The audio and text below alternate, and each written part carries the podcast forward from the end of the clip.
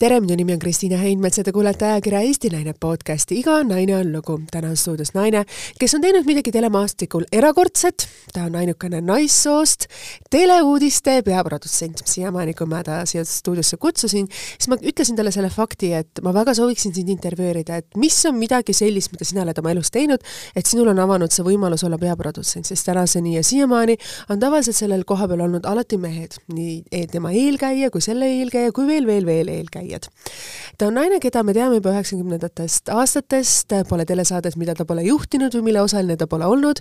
me tunneme ja teame teda ka läbi erinevate ajakirja artiklite, ta on julge, ta julgeb alati välja öelda oma arvamuse, ei ole teemat, millest ta ei julgeks sõna võtta ja öelda oma arvamuse, teinekord see võib panna isegi silma natukene tõstma, aga ma arvan, selliseid naisi peaks olema Eesti ühiskonnas rohkem, kes ei karda kuidas öelda siis, ujuda vastuvoolu võib-olla universaalsete ja selliste mahedate reeglite vastu, sest teistmoodi olemine võib tähendada ka seda, et seda meediakriitikat on sinu suure, sinu suunas võib-olla teinekord kordades rohkem, kui see, kui sa oled selline mõnus, õiges suunas ujuv kalakene seal suures-suures tiigis.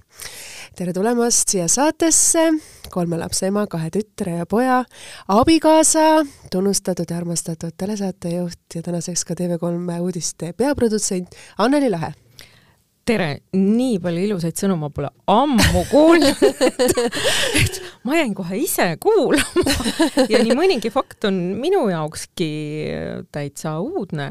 ja mis see oli uudne siis? no uudne see, et äh, ma pole üldse mõelnud äh, niimoodi, et uudiste juhtidena ei ole Eestis olnud naisjuhte. ei ole jaa et kui ma sulle helistasin ja ütlesin sulle, et ma väga sooviksin saatesse, sest äh, sul ei ole täna konkurenti.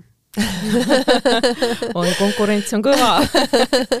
No selles mõttes, et äh, TV3 on alati olnud selline hästi naistekeskne ja naisi soosiv telekanal tegelikult, et ma olen ise ka ju seal koostööd teinud ja palju just on olnud naissoost uudisteankruid alati pigem rohkem kui mehi ja meil on ju ka tänaseks TV3 uudistejuht, naine Signe Soor, kes oli mul siin podcast'is asjad mõnda aega tagasi ja nüüd on meil, nagu sa enne mainisid, ka marketingi juht vist on teil naine. meil on finantsjuht Katrin Karu on no, naine, nii et äh, naised ruulivad. ja ta ja TV3 ju tegi ka uue kanali, mis on ka naistele suunatud. Life täpselt, kuidas sellega läheb? sellega läheb väga hästi. Äh, esimesel nädalal, nii palju kui mina tean, olime me väga vaadatavad, nii et naised on meid üles leidnud no see on suurepärane. naised on alati ka see, millest me siin saates räägime, kuidas hoida seda tööd, lapsi, oma eraelu ja kõike seda parajas sellises kastmes ja me saaksime kõigega hakkama, et ei oleks liiga palju pipart, ei oleks liiga palju soola ja see väike magusatükk oleks ikka alati ka selles osas juures.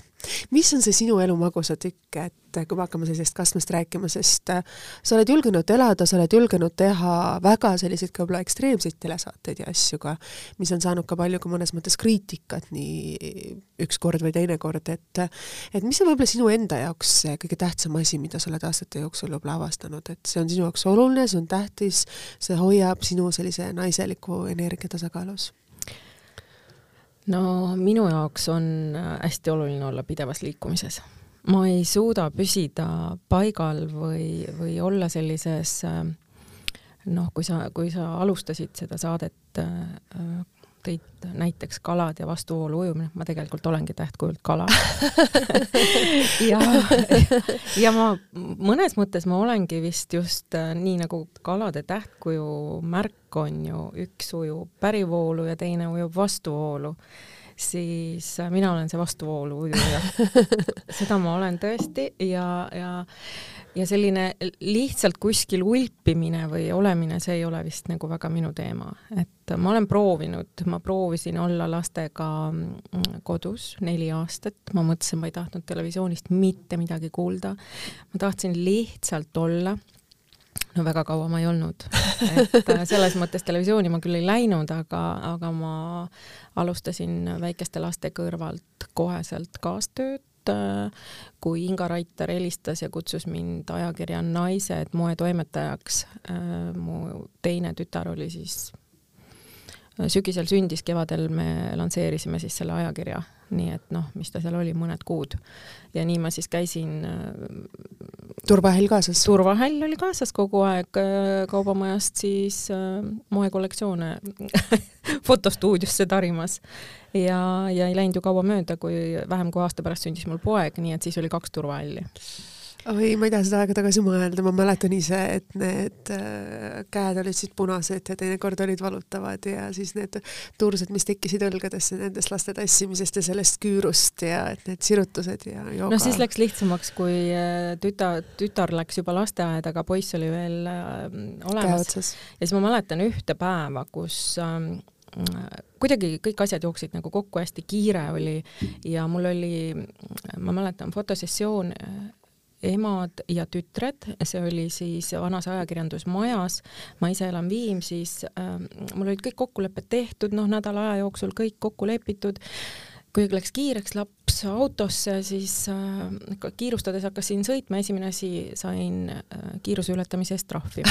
siis jõudsin maja ette, kuna läks aeg hoopis käest ära, jõudsin sinna, parkisin auto ära, aga ei pannud parkimist peale, jõudsin ülesse, tulin alla, parkimistrahv nii okei okay., siis äh, noh, sõitsin koju tagasi ja kui ma siis lõpuks selle päeva kulud nagu põhimõtteliselt kokku arvutasin äh, koos nende kiiruse ületamistrahviga, telefonikõned, parkimistrahv, kütusekulu, siis ma jäin nagu nulli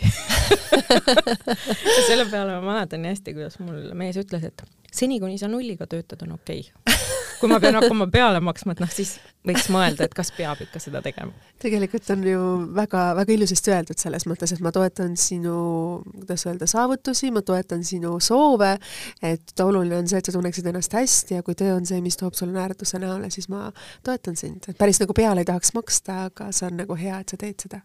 Äh, seda ma võin küll öelda, et äh, vastasel juhul ma vist ei saaks töötada üldse sellisel alal ja, ja teha selliseid asju, mida, mida ma teen, et äh, noh, ma olen ka seda öelnud, et meil valitseb selline omavaheline kokkulepe, et me ei sea kummalegi piiranguid, igalühel on äh, voli minna või jääda, noh, siiamaani ei ole keegi läinud ja kõik asjad on õnneks tehtud kui palju on oluline, sa just mainisid hetk tagasi ka see, et sa ei saaks seda tööd omada, kui sul ei oleks nagu toetavat abikaasat, et et kuidas te nagu neid rolle või asju jagate, sest noh, ma olen ise uudistes olnud. seal on see, et sa tuled, võtad, sulle öeldakse kolmkümmend minutit, üks koma viis, kus on aega kolmkümmend minutit, pool tundi, poole tunni jooksul palun tooda, üks koma viis minutit lugu, montaaž on kolmekümne minuti pärast. jah jah, no nii on. Noh, mina otseselt äh, ei, ei ole siis nii-öelda selles äh, toimetuse ruumis, et minu, minu hallata on äh, ikkagi leida sellised inimesed nagu sina, kes suudavad siis kolmekümne minutiga ühe koma viie minutilise loo toota, eks ole, ja, ja vaadata neid Exceli tabeleid. et äh, ma läksin sinna osakonda väga suure äh, hirmuga ütlen ausalt, äh, ma ei kirjutanud sellele pakkumisele mitte kohe esimesel päeval alla, see tuli mulle väga suure üllatusena, sest äh, uudised on üks valdkond, mis on minust nagu olnud siiamaani väga-väga kaugel. ma, ma ei ole isegi kordagi mõelnud selle peale, et ma võiksin kuidagi äh, ennast pakkuda või siduda oma elu uudistega, et seda enam oli see mulle hästi üllatav ja ütleme nii, et ikka magamatuid öid oli, oli mitmeid, et neid plusse ja miinuseid kaaluda, et kui ma ikkagi mingi asja vastu võtan, siis ma tahan seda teha hästi ja kui ma ikka tunnen, et ma sellega üldse hakkama ei saa, siis ma seda ka ütlen. et et kuidas on need esimesed kuud või noh, see aeg, sa oli väga pikalt seal uudistes olnud, et kuidas sa nagu ennast tunned, et sa võrdled nagu seda tavatele poolt, millega sa oled ju tegelikult üheksakümnendates, üheksakümnendatest saadik olnud seotud, ja uudised, et noh, see tempo on vist äh,, ei anna väga võrrelda? seda ei anna võrrelda, otse-eetriga õnneks olen ma väga palju kursis, et äh, Äh, me alustasime kõik otse-eetrist ja mina alustasin diktorina otse-eetris, kus ma pidin iga päev lugema lauset, äh, täna hakkab siis äh, A-rühm viiesaja kuuekümne seitsmes osa ja nii edasi ja nii edasi. et otse-eetri sellist asja ma tean, kuidas see mhm. toimib mm -hmm. ja, ja vajadusel, kui on vaja, siis hüppan eetrisse ka ja, ja saab see tehtud, et tegemata ta ei jää. aga tempo osas on see tõesti selline, et kirjeldamatu lihtsalt, aga kõik toimib. Oluline on seda koos hoida. mis on võib-olla sinu selline nõks, mida sa oled ise avastanud, et seda uudistetiimi hoida kohale, sest me, kui sa tulid siia, siis sa olid siin liftis, me rääkisime hetke, näed, Lasnamäel põles, põleb maja, ma just andsin uudistele teada, et saatke kaamera kohale see, vot see võib-olla natukene on muutunud küll, et ükskõik, kui ma, meie pere reisib samamoodi hästi palju mm, -hmm. et äh, sa vaatad nüüd asju teise pilguga, et ähm, kui, kui midagi toimub, siis sa vaatad seda kohe ka uudisloona, et kas, kas seda on vaja kajastada, kas ta on päevakajaline, mis see annab. et vanasti sellist asja ei olnud, et äh, ma olin äh,, aastavahetusel olime perega Türgis ja, ja seal oli maavärin äh,, nii et esimene asi oli, mul oli see, et kuidas ma selle üles filmin, ma pean selle saatma, et mis, mis see praegu on, kust see tuleb, et sa öösel hakkad mõtlema selliseid asju, selle asemel, kui sul tegelikult maja väriseb ja voodi umbes vaatad, et kas midagi kuskilt sul maha ei kuku, et see on juurde tulnud, seda ennem ei olnud mis oli see esimene telesaade, mida sa tegid, sa ütlesid, et sa rääkisid, see A-rühm, viiesaja kuuekümne seitsmes, mis iganes see number oli, see saade, et mis oli see esimene töö ja kuidas sa nagu sinna sattusid? esimene töö oli meil eratelekanal EVTV, mille loojaks oli siis äh, Viktor Siilats ja mis me seal tegime? me alustasime, tegelikult algas ta rohkem sellise äh, õhtusaate juhtimistega või, või no võeti nagu tol ajal, kui me alustasime, siis ei olnud otseselt nagu diktoreid, vaid oligi mm, päeva- või õhtujuhid, sest eeter hakkas alles õhtuti ja see jagunes siis paaride vahel ära äh,. olin siis mina äh,, Teet Margna äh,, siis oli Rutt Merila ja kes see meil nüüd neljas oli issand, ma ei mäleta. Sirje Eesmaa oli ka mingi Sirje Eesmaa oli meil uudistes ja ma mäletan, aga see oligi, tema oli uudistes, meie olime siis programmi peal ja siis me juhtisime seda tervet õhtut siis otse.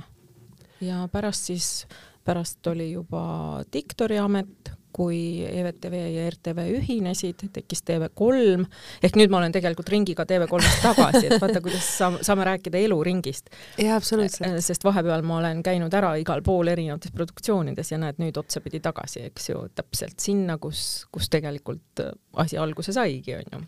elu on nagu selline parapool, et üles-alla, üles-alla. on, eks ta nii on teatud võnked tulevad aeg-ajalt tagasi, me just hetk tagasi rääkisime, et kaks tuhat üks olin ju mina praktikal juhuslikult TV3-s, siis vahepeal olin ma taas seal reporter ja nüüd kuidagi ei tea jälle edasi, mis siis saab. jaa, just nimelt, me ei tea üldse, ma olen äh, elu jooksul õppinud ka seda, et nagu ette muretseda ei ole mõtet, muretseme siis, kui, kui selleks on vajadus, et sa oled palju olnud kaadri taga ja toimetanud kaadri taga ja kirjutanud artikleid ja olnud ka ekraani ees, et milline roll sulle endale kõige rohkem meeldib, sa ütlesid, et sa oled otse-eetriga harjunud, aga kumb on nagu rohkem sinu jaoks, et kas sulle meeldib olla ise eetris või sa pigem tahad teha toimetajana, et mul on olnud palju saatejuhte, kes ütlevad, et no see otse-eeter on küll nagu tore, aga mulle ikka meeldib seal kaadri taga rohkem olla, et kusjuures mina kuulun ka nende, nende inimeste hulka, et ähm, ma ei ole kunagi ise äh, nagu pürginud väga eetrisse, see on kuidagi lihtsalt niimoodi läinud. Ja ma, ma praegu näiteks tunnen ennast väga hästi, mulle meeldivad sellised äh, organiseerimised äh,, mm, kõik siuksed toimetamised äh,, noh, ma ütlen, et ma olen, ma olen harjunud juba selle otse-eetriga, aga, aga see peab mulle andma ka mingisugust arengut, et kui, kui seal ei toimu midagi, noh, seesama A-rühm viissada kuuskümmend seitse või A-rühm viissada kuuskümmend kaheksa, see minu jaoks on nüristav, et ma sain sellega juba siis väga-väga kiirelt aru, et see, see ei ole see, mida ma nagu tahaksin teha.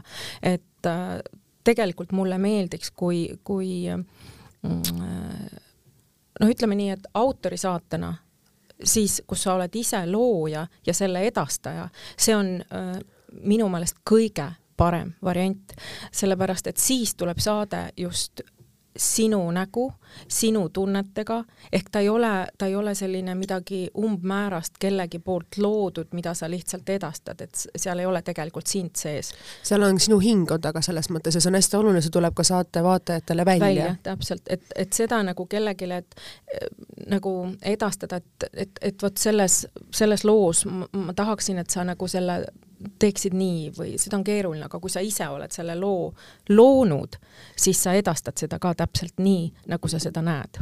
ma mäletan sinu reisisaateid ja need olid veel tollel ajal Dubaist ja Dubai oli hoopis teine, kui ta on täna jaa, Dubai, oi issand, see oli nagu väga ammu ja, ja ma mäletan, kui me äh, üle tüki aja lastega sinna pidime minema puhkama, mm, siis äh, mu esimene selline tegelikult tunne oli, et ma sinna lastega küll ei taha minna, et issand, seal ei ole ju kuskil jalutadagi, seal ei ole ju midagi teha, et, et kuidas see ja kui me sinna siis nüüd äh, läksime, see oli, mis see siis võis olla, lapsed olid siis mingi kolmesed, kolm-neli, noh, praegu on nad viisteist ja kuusteist, eks ju. kümmekond aastat tagasi, tagasi.. et see juba siis oli see muutus nagu totaalselt erinev sellest, kui, kui mina seal tegin neid reisisaateid mm. -hmm mis on võib-olla sinu enda kõige südamesse läinud saade, mida sa oled ka teinud, sest Kodutunne on ka ju olnud see saade, millega sa olid seotud, mis küll lõppes mitte võib-olla kõige ilusamalt ja suurte skandaalide teemadega, samas oli ta jälle televaatajate poolt väga armastatud saade.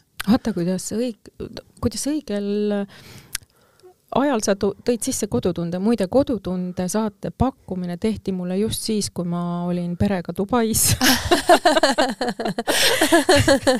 just nimelt, me olime seal mitu aastat talviti puhkasime seal mm -hmm. just, et sest see oli nagu lühike lend ja lapsed olid väiksed ja, ja hästi turvaline ja puhas ja, ja kõik oli tore. ja, ja siis ma mäletan, kui mulle lõpuks, ma vaatasin kogu aeg, et mingisugused, noh, ei võtnud välismaal kõnesid vastu ja ja lõpuks ikkagi võtsin, et mingi imelik number kogu aeg nagu helistab järjepidevalt. ja siis tuli välja, et siis oli siis Kodutunde saate produtsent Kristi Niilov, ütles, et issand jumal, kus sa oled ma olen siin nagu kuu aega taga ajanud, et kus sa oled ma ütlesin Dubais, et kus, mis, mis on ja siis ta otsiski just uut äh, saatejuhti sinna, sest olid äh, olnud, äh, läksid ju siis Kirsti Timmeriga lõppes see esimene suhe ära ja nad otsisid uut saatejuhti. Kusjuures siis oli sama asi, et ma ütlesin, et ma ei plaani enam teleekraanile tulla, vaid äh, ma olen nõus kaasa lööma toimetajana, kui, kui see pakkumine võiks sobida. aga mm, sellega ei nõustutud väga, et siis, et saame kokku siis, kui sa tagasi oled no ja siis, siis ma sinna niimoodi sattusin, et näed, kuidas kokkusattumus Dubai ja kodutunne, et kaks täiesti erinevat maailma. said ühes kohas kokku. Ja, ka meie telesaates nüüd kokku mõnes mõttes, ma meenutasin ka sinu saateid Dubaist, aga mida sa ise mäletad selle kodutunde tegemistest ja asjadest, et see oli hea saade, seal olid skandaalid. Ja kas võiks olla nüüd mõte, et see tagasi tuua kuidagi või mingil määral või? mina arvan, et sellist saadet on igal juhul vaja, loomulikult on vaja, ükskõik kui hästi riigil ei lähe, ütleme, et selline pool elust jääb igal juhul alles, mitte midagi pole parata, nii kurb kui see ka ei ole. ja, ja me praegugi ju näeme tegelikult selle sõjakeerise valguses, et inimestel on vaja aidata, inimesed ise tahavad aidata. et see on nagu selline mõnes mõttes äh, noh, see andmise äh, soov annab endal ka tegelikult hästi palju. Minu käest siis, kui ma seda saadet tegin, põhiküsimus oli, issand, kuidas sa suudad, kuidas sa suudad ikka seda nagu teha ja et kas sul nagu raske ei ole ja et mina küll ei oleks valmis, mina ei suuda kuulata ja nii edasi. no ma olen alati võrrelnud seda sellega, et aga ega siis, kui kirurg oma operatsioonisaalis ka iga patsiendi mm, najal nutaks ja mõtleks, kui õudne see on, siis ta ei saaks ju kedagi aidata, eks ju, et me peame nagu reaalselt vaatama, et kui sul on võimalus aidata, aita, kui sul on võimalus aidata ühel või teisel moel, aita. noh, see telesaade oli üks, üks võimalus aidata neid läbi nende, kes tahtsid saada, eks ju, reklaami, et ähm, kaks osapoolt kokku viia. kaks osapoolt kokku viia ja, ja kolmas osapool oli õnnelik võimalik.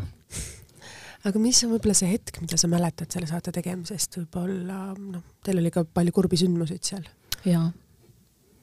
minu esimene saade oli äh, lugu hällisurma surnud beebist ja, ja Lenna Kuurma laul, mis lõpetas siis selle loo, mille me sinna panime, mul oli endal ikka, noh, seda oli nagu väga raske teha, veel raskem oli seda vaadata aga see ongi see, et ükskõik kui, kui halvasti see praegu ei kõlaks, et nii nagu kui algas sõda, jah, me olime kõik äh, sellest nagu Šokis. šokeeritud, me ei saanud aru, mis toimub ja nüüd on siis sellest möödas kakskümmend neli veebruar, praegu on meil siis kuupäevaks kuues nelikümmend neli, nelikümmend viis päeva päeva täpselt ja olgem nüüd ausad, me oleme justkui sellega harjunud. Et me juba kajastame seda teistmoodi, me juba oleme harjunud nende kaadritega. et see on, see on paratamatus. et et aga mõnes mõttes ma leian jälle, et see on, see on hea, sest me oleme oma sellest äh, šokiseisundis väljas ja võib-olla me suudame nagu mõelda kainemalt, kuidas vältida teatud asju, mida me ei tahaks, et juhtuks meiega ja kuidas organiseerida seda kaost, mis, mis selle esimese šokiseisundiga tavaliselt kaasneb. ja kui oluline on tegelikult pere ja kui olulised on nagu lähedased ja kui õnnelikud me oleme, et meil on täna hästi, meil on ikkagi selles mõttes turvaline see riigis elada. ja, ja jällegi jõuame selleni, et äh, elame ikkagi päev korraga ja püüame elada nii, seda päeva nii, et äh, mõeldes sellele, et järgmist päeva ei pruugi üldse tulla.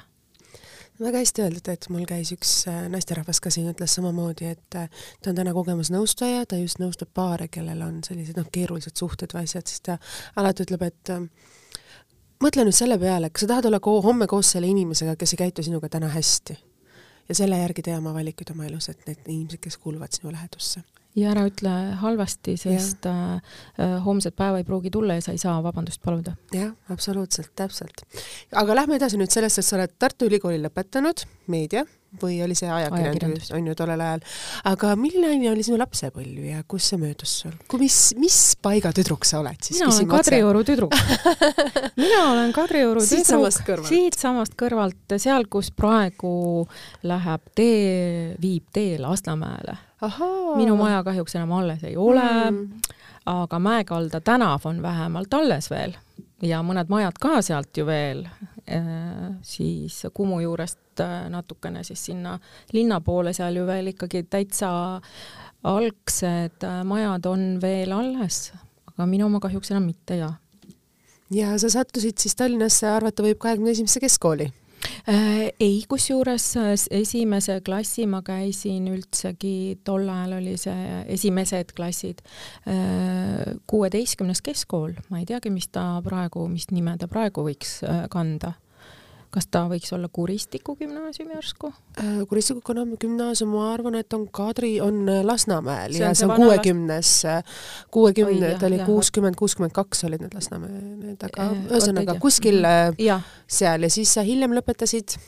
Hiljem ma lõpetasin kolmeteistkümnenda keskkooli. Siis täiesti kõrval, mina elasin kolmeteistkümnendast no keskkoolist kes sealt ei ole tulnud? No, no,, Kristjan kes- Jõekalda, absoluutselt, kõik me oleme. kõik me oleme mida sa ise mäletad oma lapsepõlvest? Ja mm, täna sa oled ka ise samamoodi kolme lapse ema ja üritad ka kõiki neid töökohustusi, asju hoida tasakaalus, et mida sa mäletad sellist, mida su ema sulle andis, kui sa olid nagu väike ja käisid koolis ja sellised, et mis on need sõnad või asjad? Äh, no mina olen rohkem olnud äh, vanaema kasvatada laps.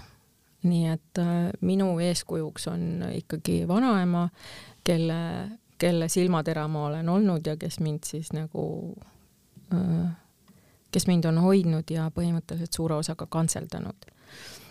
et ähm, noh, mäletan alati sellist hetke, et kõik vabad hetked, kõik vabad koolivaheajad, kõik veetsin ma vanaema juures ja ja põhiasi oli see, et kui meie Kadriorus elasime, meil ei olnud seal mugavusi, et äh, ei olnud vanni, vaid olid siis noh, isa oli seal teinud kuidagi siis selles äh, pesemisvõimalus. pesemisvõimalused, need olid köögis, ma mäletan kuidagi vist, kui muidu oli nendes majades olid siis nagu ühistualetid olid seal, selles majas elas neli peret, siis isa oli, tegi ikka meile oma tualeti sinna ja nii edasi. aga kui ma vanaema, vanaema elas mul Kohtla-Järvel, Ida-Virumaal üldse, mm. -hmm. siis äh, iga kord ootas mind ees porgandipirukas ja soe vann. Oh. see oli esimene asi, et ma alati jõudsin sinna, siis ma teadsin, et ma saan vanni minna ja pärast seda piimaga porgandipirukat milline oli Kohtla-Järve sinu lapsepõlves?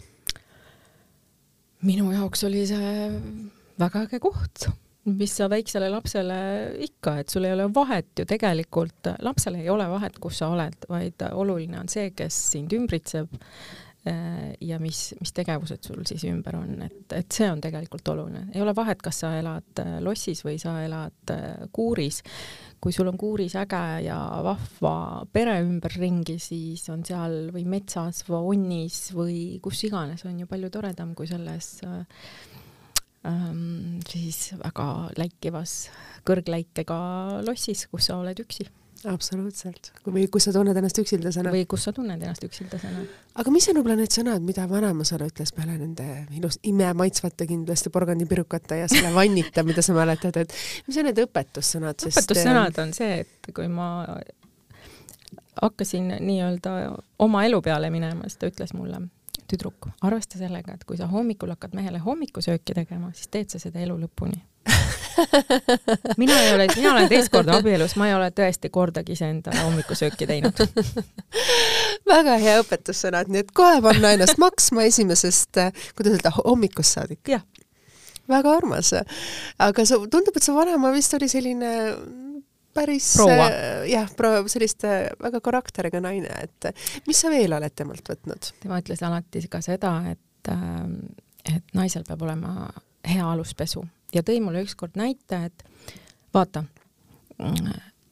eile või noh, mingid päevad tagasi, Linda jäi auto alla ja kujutad ette ja tal oli see hüvasti noorus seljas või jalas või mis iganes on ju, et mõtle, milline häbi, mitte see ei olnud probleem, et auto alla jäi, et noh, midagi hullu küll ei juhtunud, aga et näed, kiirabi tuli ja tal oli hüvasti noorus oli seljas.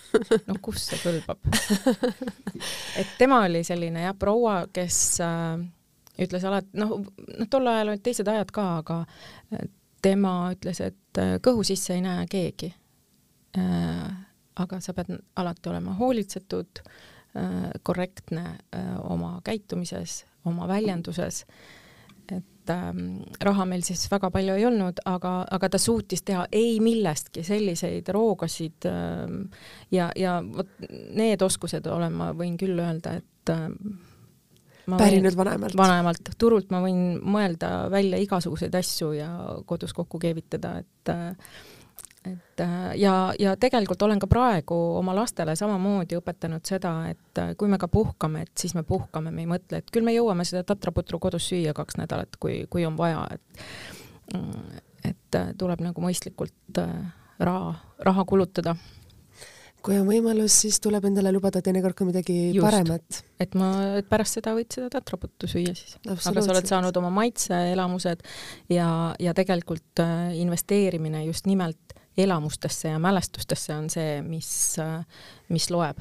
sest jällegi, vajutame äh, nuppu ja võib-olla meid ei olegi enam homme, nii et seda mammonat kokku ajada nagu asjade näol ei, sellele ma ei näe nagu mõtet. absoluutselt ja oskus ka jagada, vaata, mida sa ka alguses mainisid, et et see, kui sul on tahe midagi jagada, siis see on see, andmise rõõm on suurem aga see on ju samamoodi, et raha peab olema pidevas äh, liikumises, rahaenergia peab liikuma. nii kui ta seisab, äh, siis seda ka juurde ei tule ehk äh, mina ei ole väga selline säästja ja, ja siinkohal meenub mulle kohe üks intervjuu Alari Kivisaarega kunagi, ma ei mäleta, mis saates see oli, kus me rääkisime laenudest mm, -hmm. et kas see on ikka õige ja, ja kas ikka laenu peaks võtma ja, ja ta ütles minu meelest äh, väga hästi, et äh, muidugi tuleb võtta, sest äh, kui sul on praegu seda telekat vaja, sa praegu naudid seda elamust äh,, siis, siis siis võta laen ja osta see telekas, sest kümne aasta pärast sa ei pruugi enam üldse nähagi telekast rääkimata, sul ei, sul ei ole võib-olla enam neid vajadusi.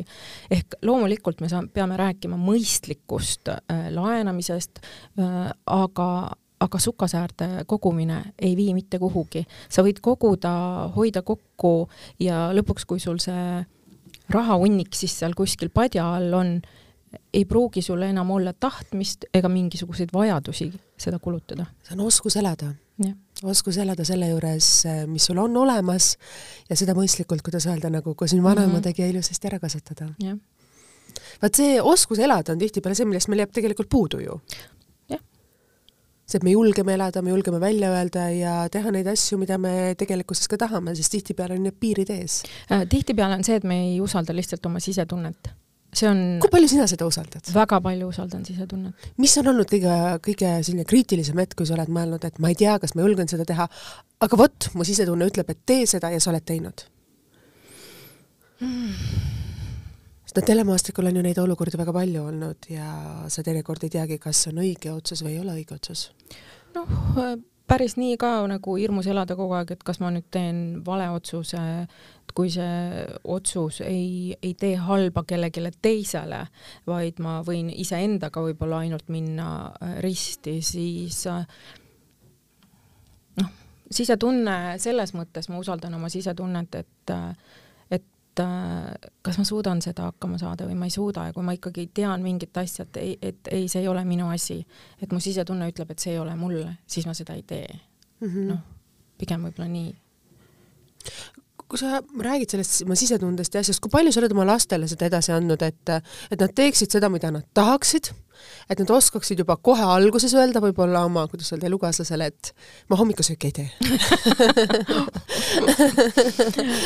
No, seda praegu... julgust kaasa ja seda võib-olla seda krutskitega seda äh, oma mina maksma panemist. tead, ega ma ei ole kunagi öelnud seda, et ma hommikusööki ei tee, ma lihtsalt pole nagu teinud, onju, et äh, ja kuidagi on see läinud, et, et äh, mitte üldse halvas mõttes, vaid mm -hmm. ma leian, äh, noh, minu peres söögi tegemine on ikkagi üldjuhul minu teha, et et äh, mul mees küll noh, lihtsamad asjad teeb valmis, aga, aga ta ei ole selle, selle ala ütleme siis inimene ja, ja ma ei leiagi, et et me kõike peame tegema nagu, et nüüd täna teed sina süüa, homme teen mina süüa, täna kruvid sina kruvi seina, homme kruvin mina seina, et äh, las need ikkagi jääda, need asjad nagu eraldi, et äh, las jääda meestele meeste asjad ja naistele naiste, naiste asjad. et ähm, ma, ma ei ole väga selline mm, lipp käes, et äh, võr võrdõiguslikkus ja kõik, äh, ma leian ikkagi, et mõnedes asjades võivad mehed olla paremad ja siin ei olegi midagi parata puht füüsiliselt juba, et noh, räägime me valdkondades ehitus või, või no ilmselt su vanem oleks öelnud, et trelli tüdruk ei tasuks ikka kätte võtta. jah, ma arvan küll, aga noh, ma olen ikka aeg-ajalt võtnud, aga ega ma väga kaugele sellega ei ole jõudnud, on ju, noh kuhu me jäimegi ma küsiks, ma küsisin just seda, et mis on need asjad, mida sa oled oma lastele kaasa andnud või need õpetussõnad, et sa ütlesid, et sul vanaema oli selline proua, kellelt oli nii mõndagi kõrva taha panda, siis mis on need asjad, mida sa oled emana alati oma tahtnud, et su lastes oleks olemas äh,? viisakus. viisakus. see on minu jaoks ja ma leian, et see on kõige olulisem elus. viisaka olemisega jõuad sa väga kaugele ja sinu ees võivad avaneda nii mõnedki uksed. bravuur ja, ja selline oma maksma panemine mingisuguste ähm, selliste egode näol, äh, see ei vii väga kaugele, see on, see on ajutine noh, ma, ma näen äh, ju telemaailmas, ma arvan, sa näed, oled isegi näinud ja kokku puutunud väga palju seda tüüpi inimestega, et äh, see, see energia on väga lühiajaline mis võib toimida. Ühel või teisel, on see siis mingil määral natukene hirm või kartus või eemaleolev, et, et see mingi aeg võib-olla toimib, aga see ei ole pikaajaline. Et see ei ole jälle see, millesse investeerida oma egosse, vaid äh, julge tunnistada vigu, julge tunnistada seda, mida sa ei oska, küsi, äh, kui sa ei oska ja sind aidatakse. Mm, ole viisakas ja sinu ees avanevad nii mõnedki uksed sa väga ilusti räägid, sest äh, sa just mainisid ka seda, et te alustasite ju telesaateid siis, kui oli Teet Margna, sina ja nii paljud, äh, kes on omal ajal olnud teleekraanil, kellel võib-olla on siis see viisakus ja noh, tegelikult ongi, ütleme, see väljapeetus, et need on ka teleekraanile jäänud, sest äh, ütleme, neid katsetajaid on olnud ju väga palju. jaa, nii et ähm kas sa võid öelda seda, et ka see on ka sinu jaoks alati olnud oluline, et kui sa nüüd teed ka uudiseid, sest noh, peaprodutsendina on teinekord seal päris raske jääda viisakaks, sest olukorrad võivad olla väga kriitilised ja väga rasked ja kiiresti toimivad ja võivad ka sul, kuidas öelda, endal tekitada sellise frustrate-, frustratsiooni või sellise hetke ähm,? Selles mõttes äh, ei maksa segamini ajada, eks ju, viisakust ja mm, sellist äh, mm. intensiivset, intensiivsust võib-olla. konkreetsust, et, et selles ja. mõttes, et äh, saab olla konkreetne ja viisakas mm -hmm.. noh, neid asju saab ühendada omavahel äh,. loomulikult äh, on asju, kus äh, sa võid siis korraks hingad välja, ütled ära asjad, ma olen selles mõttes suhteliselt otseütleja. Äh, ja, ja aga, aga ma ei plähmi vist niisama, vaid ma, ma ütlen otse välja, aga ma ka selgitan ära, miks või mismoodi et ähm, kuidas sa, kuidas sa neid stressiolukordi nagu ise suudad nagu hallata, sest äh, neid olukordi, kus inimesed jooksevad kokku ja kõik on närvilised ja käed värisevad, sest noh, neid tuleb uudistes ikkagi, tuleb hetki, et äh, kas me jõuame eetrisse või see, et mis on see rahulikkus või see sinu sisemine jõud, mida sa tunned alati, et see aitab sind? Äh, see, et ma panen ise ka käe külge. Et kui ma näen, et on, siis ma alati küsin, kas ma saan kuidagi aidata Äh, meil on olnud ju olukordi, kahekümne neljas veebruar mm, -hmm. jõuame jälle sinna, kus pidi olema suur pidupäev ja, ja., ja meil pidid olema stuudios, äh, pidime tähistama ja. ja nii edasi ja hommik algas sellega, et jälle rünnak. me, me peame kõik ümber mängima. see oli, see oli päevapeale ümber planeerimine ja siis ongi see, et millest ka me praegu ju väga palju räägime, et ka aidata tuleb osata. sellepärast ma alati küsin, kas ma saan millegagi aidata, sest mõnikord võib sinu aitamine pigem segada äh, toimivat äh, kuidagi tööd, sest sa oma teadmatuses võid selle muuta veel keerulisemaks. ja seda ma olen alati öelnud, kui on midagi, öelge äh,, lahendame selle kuidagi ära, kui ma ise seda ei oska, siis me leiame kellegi, kes selle, aga ärge hoidke enda sees, kui mingi probleem, sellest tuleb rääkida ja lahendused on alati olemas, nad ei pruugi olla sul kohe nina all, aga nad tulevad, alati on tulnud. sa väga ilusasti ütled, sest jah, neid, ma olen ise vaata ka kokku puutunud nende olukordadega ja on, ütleme niimoodi, olnud selliseid olukordi, mis mind täna paneks vägagi kulmu kergitama, kuidas sulle on nagu nähvatud öeldud, et see on teinekord, see jääb nagu hinge. Jääb, sõnadel on väga suur ja. mõju, et äh, noh, mina oma pikaealises suhtes võin öelda vist tänapäeval, et see on pikaajaline suhe on juba, et äh, kusjuures pean ütlema, et äh, minu mees ei ole kunagi mulle öelnud halvasti, aga mina olen seda täiesti nagu noh, sellises noh, halvasti või noh, nähvanud või et äh, aga ma olen alati hiljem vabandanud. et oluline on ka see, et kui sa midagi ütled, siis sa hiljem ka vabandad. oskus vabandada. oskus ja... vabandada on väga suur oskus, mis tuleb, ma arvan, aja, ajaga pigem ja see on suhetes väga oluline. see on väga oluline. sest me oleme kõik inimesed, me eksime, me teeme vigu, aga just nende vigade tunnistamine ja teinekord peeglisse vaatamine et ja mitte süüdlase tegemine oma kõrvalpoolest, vaid vaadata, et mida mina saan teha, nagu sa just hetk tagasi öeldud, et seda asja muuta. jah, ja, ja, ja muidugi on olukordi olnud selliseid, kus ma tunnen õhtule, et ma, mul, et ei ole lahendust, ma ei tea, see, see et ma olen täiesti, siis ma olen, vanasti ma võib-olla rohkem põletasin ennast sellega läbi, et äh, mulle tundus, et nüüd on maailma lõpp, nüüd, nüüd kõik, ma ei tea, mis nüüd edasi saab äh,. aga nüüd ma olen äh, õppinud seda tegema nii, et kui ma ühel hetkel ma tunnen, et ei ole, mul ei ole praegu head mõtet, mul ei ma ei tea, kuidas, kuidas ma homme selle olukorra lahendan, ma lähen koju, ma lihtsalt äh, korraks lülitan ennast sellest välja, ma lähen teen ühe metsaringi või äh, ma tegelen täiesti, hakkan kokkama näiteks, ma, ma lähen hoopis teise tegevusse ja tead, see lahendus tuleb kui see, see on tulnud mul mõnikord öösel on tulnud ja kas ärkad üles, kirjutad üles? kirjut-, täpselt nii ongi. päriselt? jaa, sest mul läheb meelest ära. ma teen ise sama jah, jah, ma arvan, et seda teevad päris paljud, päris paljud, sest sul läheb meelest ja. ära ja ma olin ja siis magad edasi? ja, ja täpselt. ja hommikul vaatad ja ma, ma ei hakka praegu täpselt situatsiooni, aga mul just kaks päeva tagasi selline situatsioon oli, ma ei teadnud, kuidas ma ühe ühe suvise projekti siis uudiste osas nagu lahendan ja ma ei, mul, mul, mul oli nii palju tuhat mõtet, ma ei, ma ei, no ei olnud, ei olnud head mõtet. ja see tuli ja see tuli üleeile ja see töötab no see on ju suurepärane selles mõttes, et oma sisetunde kuulamine ja teinekord sellise ja sellesama, selle, selle, millest me räägime, selle sisetunde mm -hmm. mõtestamine ja kirjapanemine näiteks ja. ka, et äh, unenägudest tuleb ka hästi palju huvitavaid äh, asju, et ma usun sellisesse natukene see, see on jällegi enda kuulamine, me tegelikult, kui me, noh, ma olen olnud projektis Selgeltnägijate tuleproov väga pikalt ja siis on minu käest ka küsitud ikka, et noh, et kuidas ja mis ja kas nad on, neil on ikka need võimed ja ma küsin ka siis sama küsimuse, kas neil ikka on need võimed? kas neil on need võimed? aga mina vastangi sulle kohe, et igal inimesel on tegelikult need võimed olemas. me lihtsalt ei oska neid kasutada ja, ja ei suunata. peagi mm -hmm. ja me tegelikult ei peagi. Eh, las see, see ka vajab arendamist, omaenda intuitsiooni, omaenda tunde, omaenda tunnetuse arendamine on väga suur töö mis siis äh, telesaade sulle andis, see Selgeltnägijate tuleproov, et ta on olnud Eestis üks populaarsemaid saateid, nagu Kodutunne ka oli, et kuidas sul oli seda teha, et kas ei olnud kõhe tunne teinekord et...? oli, mõnikord oli väga oli. kõhe.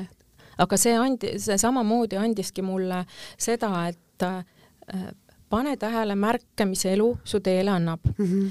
ja noh, nagu ma ütlesingi, ei ole vaja neid kõiki hakata kohe endale nagu lahti seletama, et las see jääb äh, nagu teiste inimeste teha, aga pane neid tähele ja ära ignoreeri neid. lihtsalt elu tegelikult annab meile väga palju mingeid suuniseid ja juhiseid. kui sul on ikka ükskõik mingi mitu korda sulle antakse märku, et ära sinna mine või to, elu toob mingisuguseid takistuid, et sa ei saa seda või teist asja teha, las ta jääda, ära tee seda, ära nui neljaks proovi seda ära teha, see ei pruugi olla õige asi. jällegi jõudes oma vanaema juurde, siis äh, ma seriaali Saladusi salvestades tegin tegelikult ka ühe loo sellel põhjal. ma mäletan, see oli vahetult pärast vanaema surma, meil olid väga rasked ajad, ma õppisin siis kaugõppes veel Tartu Ülikoolis ja kuidagi rahaliselt oli keeruline ja tuli, tuli leida lahendusi ja ja ja siis ma mäletan, et ma nägin unes, kuidas vanaema nagu tuleb mulle unes ja juha-, juhatab mind tema tuppa, mida, mis, mida ma mingi aeg, ma olin äh, selline, ma, ma ei tule leinaga hästi toime, et, et ma läheksin tema tuppa ja teeksin selle raamat elas minuga koos äh, ühe mingi raamaturiiuli ja lihtsalt näen, et noh, et seal võta see raamat ja seal ma ei tea, pane või noh, kuidagi sellises umbkaudses. ja ärkasin hommikul ülesse ja mõtlesin, et ma pean sinna tuppa minema, ma pean selle toa korda tegema, onju. ja lähen sinna raamatu riiuli juurde, siis hakkasingi vaatama neid raamatuid, mis seal siis nagu on ja teen selle raamatu, noh, hakkasin neid nagu sorteerima ja raamatu vahelt kukkus välja eh, viissada krooni oli tookord. et see oli suur raha krooni ajal. et minu palk, ma mäletan, oli kaks tuhat krooni kuus et vanaema oli mul selline soki sissekoguja, et ja, ja ja just sellel hetkel tuli ta mu unenäkku ja ütles, et mine, tee, ole. kui see oli kõige raskem hetk. kui mul oli seda vaja. raha väga vaja. ehk jällegi see on see, et äh, kuula märke, mis sulle antakse. Mm, teine unenägu oli, mul oli ühe kapi otsas äratuskell. ja siis suhteliselt ääre peal, ma kogu aeg vaatasin seda, et ma pean selle sealt ära võtma, et ta on nagu nii halva koha peal ja äh, ja unes näen, kuidas see kukub kolaki maha, onju tõusen üles, et mõtlen just, et ma tõstan ta ära ja kell kukub maha ma ei jõudnud seda ära tõsta. mitu korda mulle seda ja, nagu ja, märku andnud, aga ma ei, ma ei, ma ei reageerinud sellele. et noh, see on lihtsalt nagu mingisugused näited, mis tunduvad nagu, et ei ole võimalik, aga nii need on, see on, see on reaalselt juhtunud äh, juhtumid, on ju. ehk selgeltnägijate tuleproov äh, õpetaski mind võib-olla märkama mingisuguseid nüansse, millele ma vanasti võib-olla tähelepanu ei pööranud. arvasid, et see ei saa eksisteerida selliselt, et sa ei julgenud võib-olla seda tunnistada? et noh, see ei ole ju mingisugune voodoo, mida me seal teeme, vaid see ongi äh, oskus näha asju äh,, millest inimesed räägivad, millest nad võib-olla teada tahavad, et äh, lihtsalt kõigil ei ole neid võimeid ja, ja oskust seda näha ja seda asja lahti seletada nii nagu mõnel on prillid, mõnel ei ole, mõni oskab matemaatikat, mõni, on jälle täpselt. suurepärane helilooja. aga mis on võib-olla mingi ekstreemsem hetk, mida sa mäletad sellest äh, selgeltnägijate tuleproovist, sest ma tean, et neid ikkagi võib-olla keerulisi momente ja asju seal ikkagi oli, et äh, mida sa nagu ise mäletad, et mis, mis olid need detailid, mida sa siis kuidagi jäi sulle väga hinge või, või midagi, mis oli nagu sellist väga ekstreemset, mille üle sa täna mõtled, et oi või oli seal kuidagi kõik ikkagi noh, nii telesaatelikult turvaline ja kõik oli nagu hästi nagu korraldatud või olid sul endal see tunne, sest sa käisid ju ise ka kohapeal kindlasti?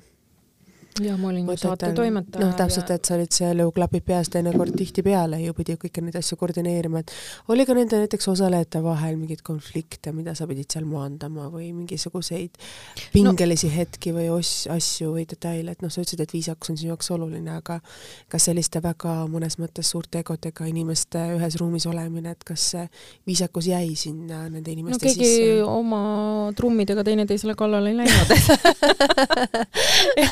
et ma ei tea, mis seal sees toimus, aga kõik jäid ellu, ühesõnaga. kõik jäid ellu, jah. ja selles mõttes, et pigem äh, viimastel aastatel me ju läksime hoopis seda teed, et äh, samamoodi on inimestel erinevad äh, võimed, erinevad tunnetused mm, -hmm. et me püüdsime mingisuguste olukordade lahendamisel leida just seda koostööd, et kui üks tunnetab, on ühes osas ähm, Tugev. tugevam, teine on teises osas, et me viisime, tegelikult panime ju nad paaridena väga palju mm -hmm. tööle, mis äh, isegi toimis täitsa kenasti et ähm, ma, arvan, et vist sellist nagu selles maailmas nagu päris sellist nagu ärapanemist vist vast ei ole.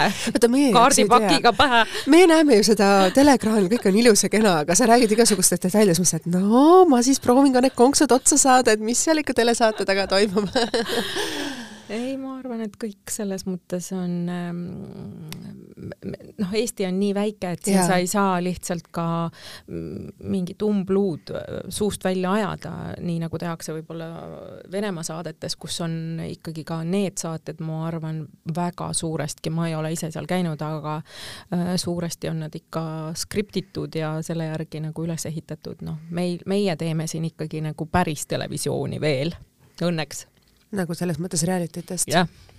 sa oled ka olnud nii mõnegi reality kui toimetaja, ma, ma ei nagu... ole kusjuures. Reality'd on jäänud minust nagu kõrvale. no kui me seda selgeltnägijaid just võtame reality'na, aga jah, aga, aga moesaated on olnud küll, et jaa, moesaated küll, jah. et sa ju ise juhtisid ka ühte moesaadet, mis oli ju TV3 laupäeva hommikuti ja,. jah, jah. et äh, vot, vot see žanr on mul veel katsetamata, aga ma ei ole päris kindel, et see ongi nagu minu cup of tea.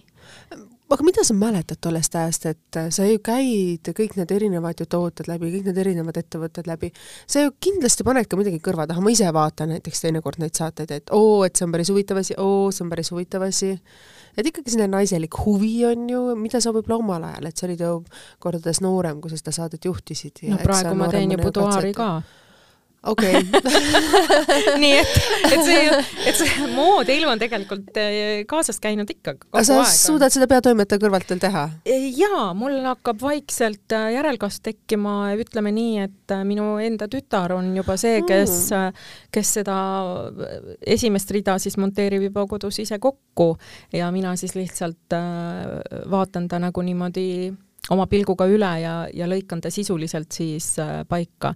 nii et see on mul juba jaotatud töö, ütleme siis nii, aga, aga ja kui me lõime selle mm, siis nüüd äh, aasta tagasi, kui -hmm. Boudoir äh, on ju TV3 Grupi üks toode ja, ja siiani toimis ta väga hästi ajakirjana aga siis me noh, nagu ühendasite need kaks asja? ühendasime need kaks asja ja, ja lõime tast siis sellise nüüd telesaate mm, -hmm. et ähm, noh, kaunis kaunimaks ju minu loodud või mm, -hmm. või hooaeg on ju minu loodud saade mm, -hmm. see mhm. ju töötab ju endiselt edasi väga mm -hmm. kenasti, et et, et siis Buduaarile tuli leida ka siis selline väljend, muutus ja ma arvan, et see praegu täitsa toimib, nii et ega ma sellest maailmast ei ole kuskile nagu kõrvale mõnes mõttes jäänud. mis on sinu need ilurituaalid siis, ma sellepärast ikka küsin, et kui sa oled ikka selle valdkonnaga veel tänagi seotud, mis on sinu rituaalid? no minul on näiteks see, et ma üritan võimalikult vähe meiki kasutada igapäevaselt, et ikkagi minu see... on see just, et ma kasutan seda väga palju.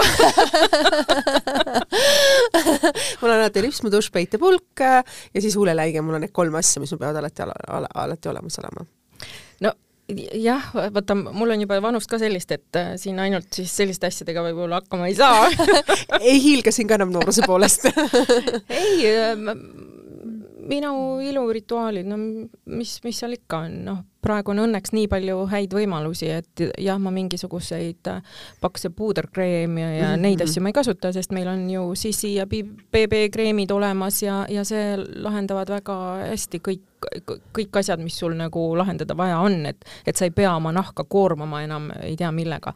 aga õhturituaalide osas olen ma selline aja mahavõtja küll, et ma, mulle meeldivad igasugused maskid, mulle meeldivad vannid äh, ja, ja praeguse kiire elutempo ajal äh, nii naljakas, kui see ka ei ole, aga kui uudistesaade saab enam-vähem, siis ma tean, et kõik teemad on toimivad, mhm, kõik mhm. on see, siis noh, ma üritan küll varem koju saada, aga ma tavaliselt ei jõua ikka, et ma jõuan nagu vahetult täpselt enne seitset, kui uudised hakkavad. ja siis selleks ajaks ma juba kolin nii-öelda vanni koos oma läpakaga, panen Go3-e käima ja ma vaatan laivis siis äh, selle platvormilt äh, uudiseid, et no noh, vaatan ära, et kuidas ta nagu mulle vaatajana tundub mm, -hmm. et üks mhm. asi, kui sa oled sees, teed seal, teine asi, kui sa vaatad seda mm, vaatajana. ja, ja nüüd viimased päevad on Go3 topis, seitsmesed on esimesel kohal olnud ja, ja siis ma alati ütlen, et vot, üks neist vaatajatest olen mina, sest ma vaatan seda arvutist ja laivina. meil on midagi ühist, ma teen sama, aga ma vaatan Netflixi no jah, põhimõtteliselt. tunnistan ausalt ennast. et nii harva, kui ma saan seda lubada ja mitte iga päev. jaa, laupäev on mul selline päev, mis on siiamaani, kui, kui ma ei pea kedagi asendama, midagi tegema, siis, siis on see päev, kus ma tegelikult olengi hästi sellises oma maailmas ja Netflixis ja, ja, ja ei tee, proovin teha mitte midagi, et nagu ütles Coco Chanel, et ähm, kui sina ei liigu, siis tolmurullid äh, püsivad ka paigal. Et äh, ma olen jah, selline nagu jällegi ütleb minu abikaasa selle peale, et ähm, laste naturaalne ilu jääb sinna loodusesse, et sul on päriselt selline abikaasa, kes ütleb, et laste naturaalne ilu jääb sinna loodusesse, vau! ütleb jah. Äh, et ma mäletan, kui lapsed sündisid ja siis äh, noh, kuidagi võtsin need küüned, küüned pikad, lihvisin ikka lühikeseks, nii nagu peab ja noh, et äh, nagu noorele emale kohane ja siis mingi päev ta tuli, ütles, et miks sul need küüned nii lühikesed see on tegelikult ju fantastiline, et me ju naistena tahame olla ilusad ja me üldjuhul tahame olla ilusad iseenda jaoks. ja kui keegi kõrvalt ka seda märkab, see on ju hästi. et üldjuhul selliseid komplimente Eesti mehed ei pruugi teha jaa, et äh, mina, mina saan öelda, et ma mõnes mõttes võib-olla isegi siis üritan äh, nagu mitte enda jaoks minul meeldib olla iseenda jaoks, et mul tihtipeale alati küsitakse, et miks sa pead seda või seda tegema, siis et aga ma ei saa sinna midagi teha, mulle meeldib panna alati kontsakingad jalga, isegi kui ma ei pea midagi tegema, asi teinekord, kui mul olid väiksed lapsed, ma tegin seda ainult poodi minekuks, sest noh, see on osa minust, et et ma olen ka täna õppinud ka oma sisetunnest kuulama, et kui mulle see asi meeldib, siis mida teised arvavad, no vabandust väljendusest, ei ole enam täna see minu jaoks oluline. jah, eks see ongi enesetunde asi, on hästi oluline. Ja ega ükskord sattusin, kuidagi oli vaja jube kiiresti poodi minna ja ja siis ma vist ei värvinud ega mitte midagi teinud ja no just sellel päeval ma kohtasin nagu mitu tuttavat ja siis ma mõtlesin, et ma never ever ei lähe enam nii sellisena poodi. et, äh, et noh, sellises kohas elades tuleb kohe meelde, et ma hommikuti, kui me viime lapsi kooli, et ja. siis ähm, no mõni, lapsed panevad autot kõik sooja, kõik asjad, et ja siis äratavad, et äh, võiks siis nagu kooli viia. ja tavaliselt ma viskan oma sooja hommikumantli selga ja siis lähen teed selle autosõidu ära? jaa ja nüüd äh, just mõned päevad tagasi istume autosse tütrega ja järsku vaatan oh,, mul läks meelest ära, ma tulin eile õhtul nii hilja ja mul on kütus saab kohe-kohe otsa, aga ma olen hommikumantlis, ma ei saa ju minna kütust võtma. Ja ta jäigi, ma ei tea, kui nüüd õpetaja kuuleb, et siis see on tõesti minu viga, miks ta jäi tundi hiljaks, ma ütlesin, et kuule, me peame nüüd Pentslast läbi minema, sest muidu ma jään tee peale ja mis ma siis teen, et ma olen siin hommikumantlis umbes ja, ja siis me tegime väikse ringi, võtsime kütust ja siis ma viisin viisin ta kooli, et ta jäi natukene hiljaks. et äh, selliseid apsakaid ikka juhtub elus, aga üldjuhul jaa, ma hommikul ma, kui ma isegi tõu-, kui nädalavahetus ma tõusen üles, mulle meeldib, ma olen selline hästi tundliku lõhnatajuga, mulle meeldivad igasugused lõhnaküünlad, lõhnahajutid, mulle meeldivad, kui inimesed hästi lõhnavad ja ja minu lastel on ka juba ikkagi selles mõttes see harjumus on olemas, et kui nad kooli lähevad, siis nad äh, pesevad, lõhnastavad ennast. Äh, et. Äh, imeline. et noh, minu meelest on see nii, et kui me kui me, see on jälle, et, et sa pakud sellega ju nagu ka teistele sellist mingisugust mõnusamat äraolemist, kui et sa kui see on osa sinust, sa annad selle edasi oma lastele. ja, ja ka teistele, kes sind ümbritsevad näiteks ja. päeva jooksul, eks. et jah, ilu, iluprotseduurid käivad minu, minu, minuga kaasas, mulle meeldivad äh, kõiksugu õlid, kreemid äh,, ma katsetan hea meelega erinevaid asju et äh, ja topin seda ka oma lastele ja mehele meil on peaaegu tunnikene läbi saanud, nii et aitäh, Anneli, sul selle imelise intervjuu eest. julgus olla naine, näha selles kõige naiselikumas sääras, punaste huultega, need vannirituaalid, kolme Go kolm Go või kuidas see Go kolm. Go kolm on ju, telekanalit vaadates, töö, abikaasa, no see on ju suurepärane, milline inspiratsioon meil täna siin yeah. olnud tunnikesega, et aitäh, et sa tegelikult nii ausalt jagasid oma selliseid väga intiimseid või erilisi hetki, millest ma teinekord ei taha intervjuusid anda, ma ütlen seda iseenda nagu tunnestades, sa võib-olla tunned, et sa ei taha rääkida või nendest teemadest, aga selleks see saadegi ongi, et et näidata, et olenemata, mis tööd me teeme, olenemata, kas me oleme tuntud või mitte tuntud või mis on need olulised detailid meie elus, me oleme ikkagi kõik naised me oleme kõik naised, me oleme kõik inimesed ja tegelikult täpselt. luust ja lihast täpselt, absoluutselt. veel kord, Anneli, aitäh sulle selle imelise saate eest. aitäh teile, kuulajad, kes te olite taas selle tundikese meiega. kohtume teiega taas kord nädala pärast ja siis on saates uus naine, uued teemad ja võib-olla kindlasti jälle teise nurga alt, kuidas olla naine, iga naine on lugu, on meie ajakirja Eesti Naine pea ajakirja Eesti Naine podcasti pealkiri. aitäh teile ja saade on ikka kuulatav SoundCloudis, taskudelfi keskkonnas ja Spotify's. kohtume teiega, nägemist. thank you